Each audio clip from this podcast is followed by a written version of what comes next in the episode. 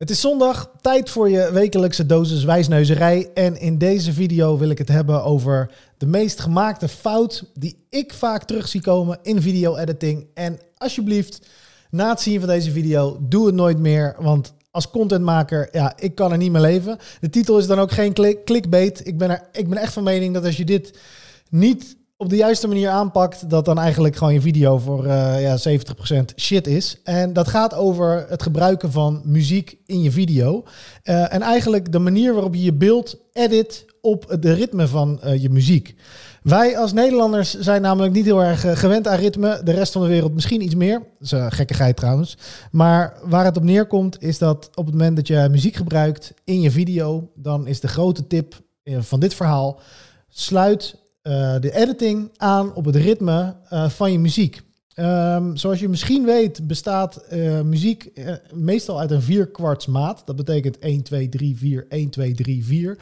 En wat ik heel vaak zie gebeuren is dat mensen dan vervolgens een video editen en dat die beelden totaal niet aansluiten op het ritme van die muziek.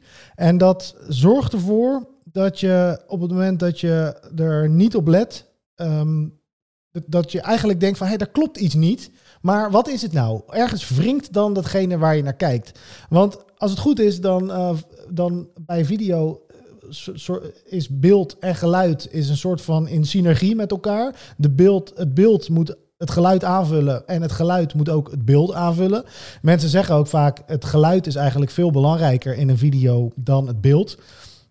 Daar ben ik het tot op zekere hoogte mee eens. Maar wat je niet moet willen is dat het elkaar bijt, dat het haaks op elkaar staat. En ik zal het even illustreren. Als we even gaan naar uh, Epidemic Sound, dat is de website waar ik, uh, niet gesponsord trouwens, altijd mijn, uh, mijn muziek voor, um, voor YouTube opzoek. En als we daar even een willekeurig muziekje aanklikken, dan zal ik je even laten weten ja, wat er dan verkeerd gaat en wat er dan fout gaat. Even inloggen. Um, Kijk, als we even de bovenste beat aanklikken, die gaat als volgt.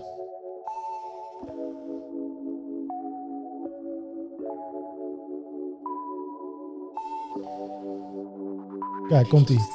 1, 2, 3, 4, 1, 2, 3, 4. En ook al heb je niks met muziek, dan nog gaat dat ritme in je hoofd, dat, dat geeft je al een bepaalde flow.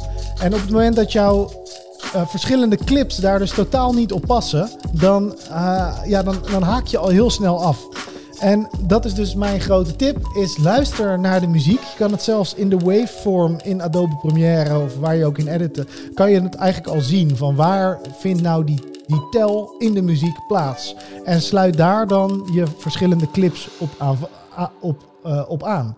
Dus op het moment dat jij van, de ene, van het ene beeldje naar het andere beeldje uh, gaat, zorg er dan voor dat dat altijd op een 1 is. Of op de 2 en op de 3 is. Dus 1, 2, 3, 4. 1, 2, 3, 4. Het is een hele kleine tip, maar op het moment dat je zorgt dat daar je framewissels plaatsvinden, dan gaan mensen automatisch meer mee in de flow van, uh, van je video. En wordt eigenlijk het hele beeld wordt, um, ja, wordt, wordt sterker. Het versterkt elkaar.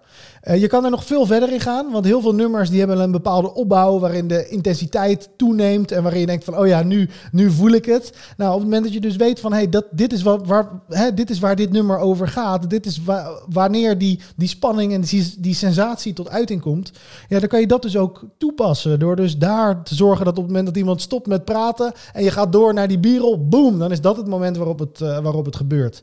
En op het moment dat je dit weet en op het moment dat je hierop let, dan zal je dit gaan herkennen in films, in series, maar ook in alle betere YouTubers, zoals zo'n uh, Peter McKinnon of uh, Casey Neistat trouwens. Die zorgen altijd dat hun muziek en hun beeld met elkaar in balans is.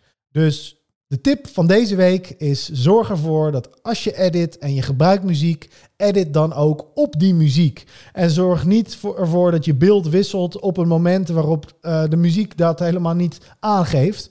Want als kijker en als consument van content. En ik vind het heel leuk om verschillende YouTubers te volgen en verschillende vormen van content te zien.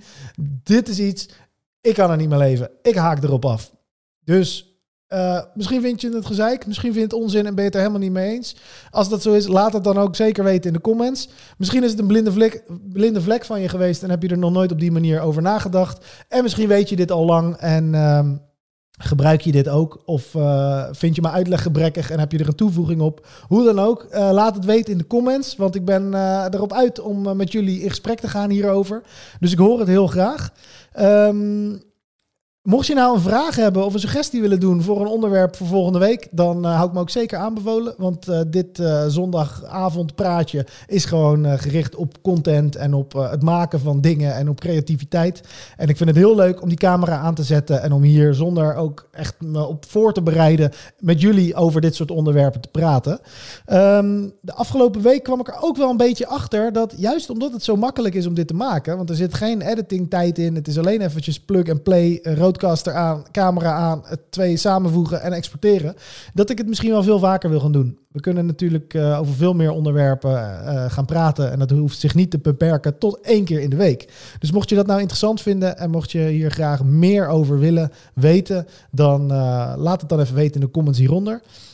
ik begon dit verhaal met een wekelijkse dosis wijsneuzerij, want ik wil niet pretenderen de wijsheid in pacht te hebben. Uh, of als een soort van uh, super expert hier uh, te vertellen hoe het allemaal moet. Um, maar tegelijkertijd ben ik er wel veel mee bezig en denk ik er veel over na. En vind ik het. zou het zomaar zo kunnen zijn dat het heel waardevol is voor anderen om iemand anders zijn belevingswereld te, te horen over content maken en over video en over fotografie en dat soort dingen. Dus Lang verhaal lang. Heb je een suggestie voor een onderwerp? Drop hem in de comments. Laat even een duimpje achter. Abonneer op het YouTube kanaal. De hele standaard marketing influencer bullshit. En dan zien we elkaar gewoon in de volgende video.